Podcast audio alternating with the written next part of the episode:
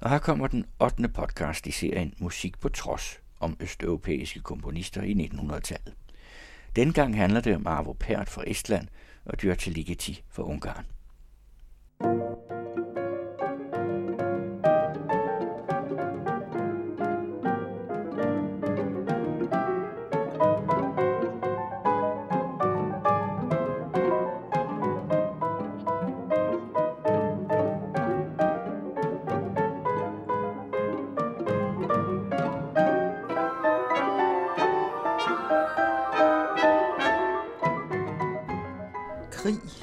undertrykkelse, tortur, flugt og modstand er en voldsom overskrift.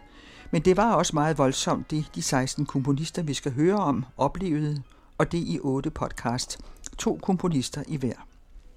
Flere af dem døde i koncentrationslejre, andre flygtede og kom aldrig tilbage til deres fædreland. Alle havde voldsomme ar på sjælen. Her i den 8. og sidste podcast handler det om Arvo Pärt fra Estland og George Ligeti fra Ungarn. Arvo Pärt er stadig i blandt os.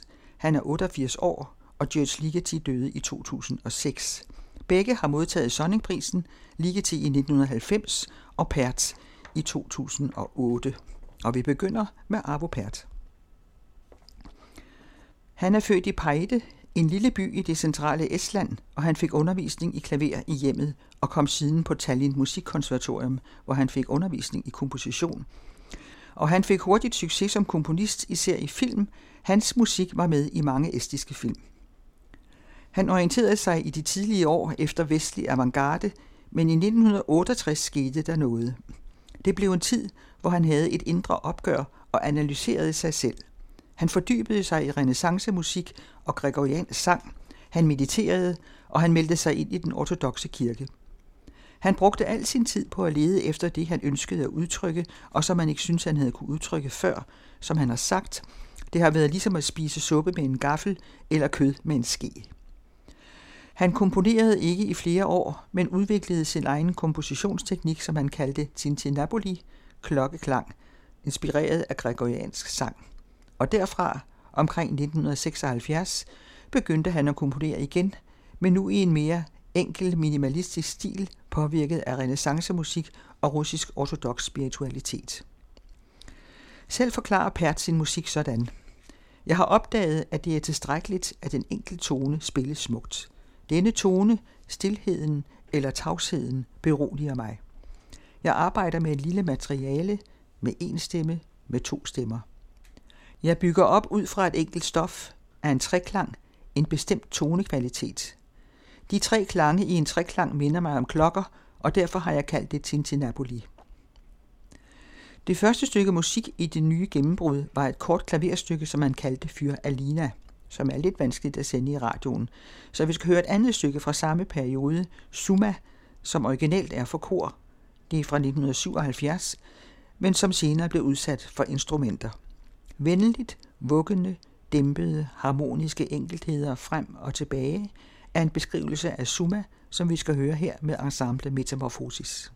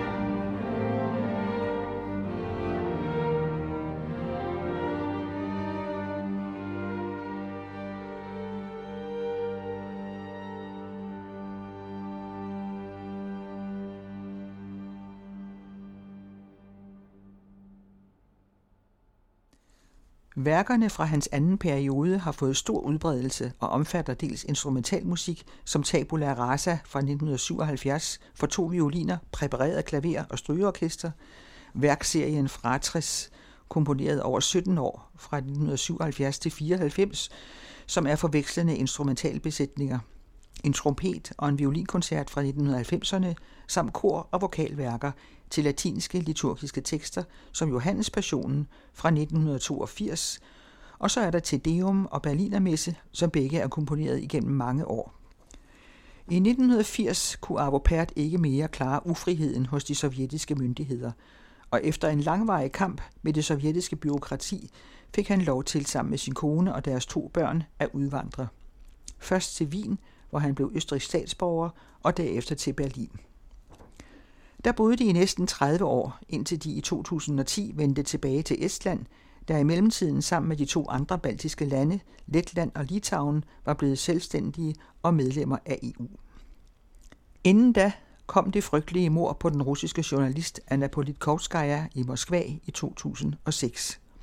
Avopert udtalte, at alle hans værker, der blev spillet i 2006 og 7, skulle være til ære for hende, og han sagde, Anna Politkovskaya satte hele sit talent, sin energi og til sidst selv sit liv ind på at redde folk, som var blevet gisler af de fremherskende trusler i Rusland. Da han og hans familie var kommet tilbage til Estland, grundlagde de The Arvo Pärt Center i byen Laulasmar. Og det er en institution, der skal tage hånd om hans personlige arkiv. En ny bygning åbnede for besøgende i 2018, og den indeholder en koncertsal, et bibliotek og forskningsfaciliteter. Der er også uddannelsesprogrammer for børn, og i det hele taget er det et internationalt informationscenter om Arvo liv og arbejde. Året efter, i 2019, var dronning Margrethe på besøg i Tallinn i anledning af 800-årsdagen for Dannebrogs fald fra himlen, og der var hun til galamiddag i Arvo Avopert har en tæt kontakt til Danmark. Han har været her ofte og samarbejdet med mange musikere, og han modtog Sonningprisen i 2008 med følgende begrundelse. Avopert har i enestående grad været i stand til at komponere en nutidig musik, der er i dyb samklang med den ortodoxe kirkes religiøse univers, og som bygger på gamle mestres musikalske erfaringer.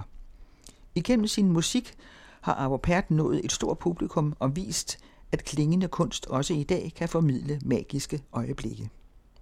Også en bog om Arvo Pärt blev udgivet samme år som Sonningprisen, Længslen efter de hvide tangenter af Henrik Marstal. Den herboende engelske dirigent Paul Hillier, der har været chefdirigent for det danske vokalensemble Ars Nova i 20 år, har også arbejdet tæt sammen med Arvo Pärt. Ved siden af Ars Nova har han været chefdirigent for det estiske kammerkor, og det er dem, vi skal høre her i et uddrag af Arvo Perts Magnificat, som er for femstemmigt kor, skrevet i 1989, og med Paul Hilliers ord viser Tintinapoli-teknikken på den mest smidige og raffinerede måde.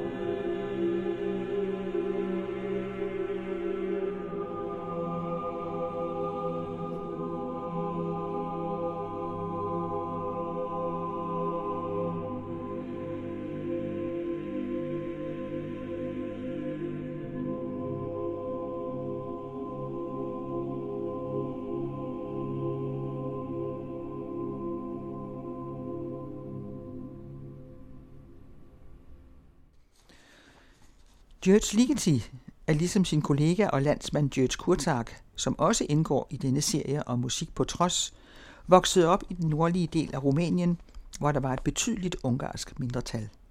Området hørte til og med 1. verdenskrig til Ungarn, som i denne periode var underlagt et strengt stalinistisk styre, som fordømte enhver beskæftigelse med moderne musik og kaldte det formalistisk, altså elitært og uforståeligt for den almene befolkning. Det skulle være enkel og tilgængelig musik for enhver. Og først med opstanden i Ungarn i 1956 blev der løst op for situationen. Ligeti er født i 1923 og jøde, og han blev tvunget ind i et regiment, mens begge hans forældre og hans bror blev sendt i koncentrationslejre. Både faren og broren døde i Auschwitz, mens hans mor overlevede. Da krigen var forbi, boede og studerede han i Ungarn, men i forlængelse af den sovjetiske invasion i 1956 flygtede han til Wien og blev senere østrisk statsborger. Ligetis tidligste kompositioner fra 1930'erne og 40'erne består hovedsageligt af værker for klaver samt sange, for hans stil var i første omgang temmelig enkel og præget af folkemusik på grund af den omtalte formalisme, som var forbudt. Først i efterkrigstiden kunne han realisere sine mere eksperimentelle, æstetiske idéer og idealer. Hans afgørende gennembrud som komponist kom på verdensmusikfesten i Køln i 1960 med det ni minutter lange værk for stort symfoniorkester Apparition, hvis titel skal udtales på fransk, det har Ligeti sagt, for på engelsk har den en anden underbetydning, mens den på fransk betyder til synekomst, og det er den mening, det skal give. Da han forlod Ungarn, tog han sine partiturer med og sine håb, især et bestemt håb, om at han i musik kunne finde den drøm frem, han havde haft som barn, om at han lå i en seng midt i et fantastisk silkevæv, hvor der var mærkelige skabninger og ubevægelige ting, der svævede i luften. Han prøvede at realisere den drøm i lyd i Ungarn, men han manglede det tekniske indhold. I 1958 arbejdede han sammen med den tyske avantgarde-komponist Karl-Heinz Stockhausen i hans elektroniske musikstudie i Køln, og der lykkedes det ham at gennemføre sin drøm. Vi skal høre slutningen af Apparition med Berliner Philharmonikerne med Jonathan Nott i spidsen.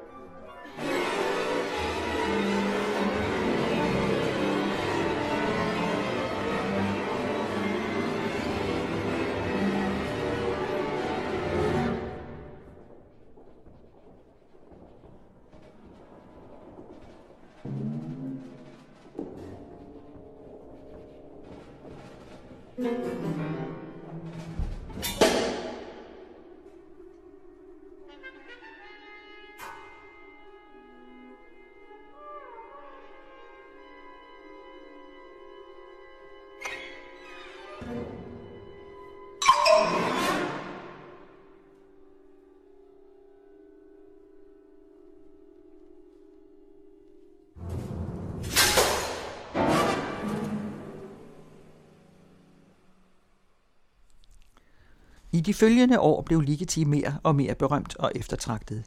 Han var lektor på sommerskolen for samtidig musik i Darmstadt i Tyskland og gæsteprofessor på det kongelige svenske musikakademi i Stockholm. Han blev ligesom endnu en komponist i denne serie Musik på trods, ukraineren Valentin Silvestrov, tilknyttet den tyske akademiske udviklingstjeneste DAAD fra 1969 til 70 og han var composer in residence ved Stanford University i Kalifornien i 1972, inden han blev fastansat professor på Hamburg Musikkonservatorium. Og der blev han til 1989 og blev det musikalske æstetiske højdepunkt for en hel generation. Til forskel fra mange af sine kolleger i Vest foretrak han lejesyge og associationsrige lyde, og han genindførte på en ny måde noget, som mange komponister på den tid forkastede, nemlig harmonier og tydelige melodier. Et hovedværk er operaen Le Grand Macabre, som blev urført i Stockholm i 1978, og som tidligere operachef og nuværende teaterchef på det Kongelige Teater, Kasper Holten, har sat op, både på den Kongelige Opera i 2001 og igen i 2014, og dertil i San Francisco. Den fik gode anmeldelser og blev karakteriseret som et modernistisk mesterstykke med masser af muntert vanvid og som en komisk musikalsk genistreg. Den bedste samtidsopera, som det kongelige teater har haft på plakaten, som en anmelder sagde. I Sverige arbejdede Ligeti regelmæssigt, underviste på Musikakademiet og lærte at tale svensk. I 1965 fik han en bestilling fra Sveriges Radio, som han selv foreslog skulle være et requiem, og 13 år efter var det så operaen, der blev urført i Stockholm. Også Danmark havde ligget til et godt forhold til, og han modtog Sonningprisen i 1990. Med Sonningprisen fulgte mange smukke ord, blandt andet, som i overført betydning handlede om filmen Rumrejsen år 2001, som Ligeti hverken blev spurgt om eller fik penge for. Det siger noget om den skabende musikers vilkår i den masseproducerende kulturs tidsalder – men måske kan den pris, der bliver overragt nu, til gengæld betragtes som et afdrag på et tilgodehavende fra det kulturelle fællesskab, lød det den aften i 1990. Stanley Kubricks film Rumrejsen år 2001 fra 1968 havde i soundtracket mange værker af klassiske komponister. Det mest spektakulære er begyndelsen af Richard Strauss' symfoniske digtning Also sprach Zarathustra, men det er George Ligetis atmosfære, der åbner filmen, før der kommer billeder på. Siden kommer balletsviten Gennen af Katja Turian, og Men Sanden an der schönen blauen Donau af Johann Strauss, samt to værker mere af Ligeti, Lux Eterna og Requiem. Udover Sonningprisen er det ikke til at overkomme at nævne den lange liste af ærespriser, Ligeti har modtaget. Det skulle da lige være den franske kommandør dans l'ordre national des arts et des lettres, der specifikt hedder fortjenester inden for kunst, kultur og litteratur, og hvor netop kommandørgraden er den fineste af tre. Her til sidst skal vi høre lidt af første satsen af Ligetis klaverkoncert fra 1988, som Pierre-Laurent Aimar spiller ved Ensemble Intercontemporain, som Pierre Boulez dirigerer.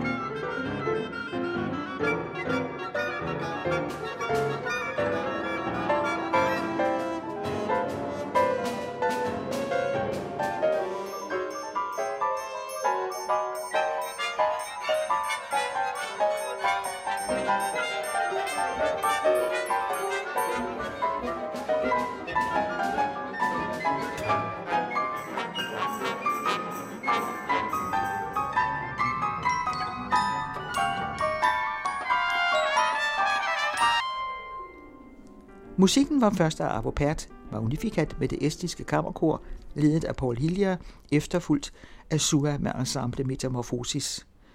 Af George Ligeti, Apparition med Berlinerfilharmonikerne med Jonathan Nutt i spidsen, samt lidt af første satsen af klaverkoncerten med Pierre-Laurent Aimard, som spillede med ensemble intercontemporain, som Pierre Boulez dirigerede. Det er Kirsten Røn, der står for serien Musik på Trods, og det var den 8. og sidste podcast i serien.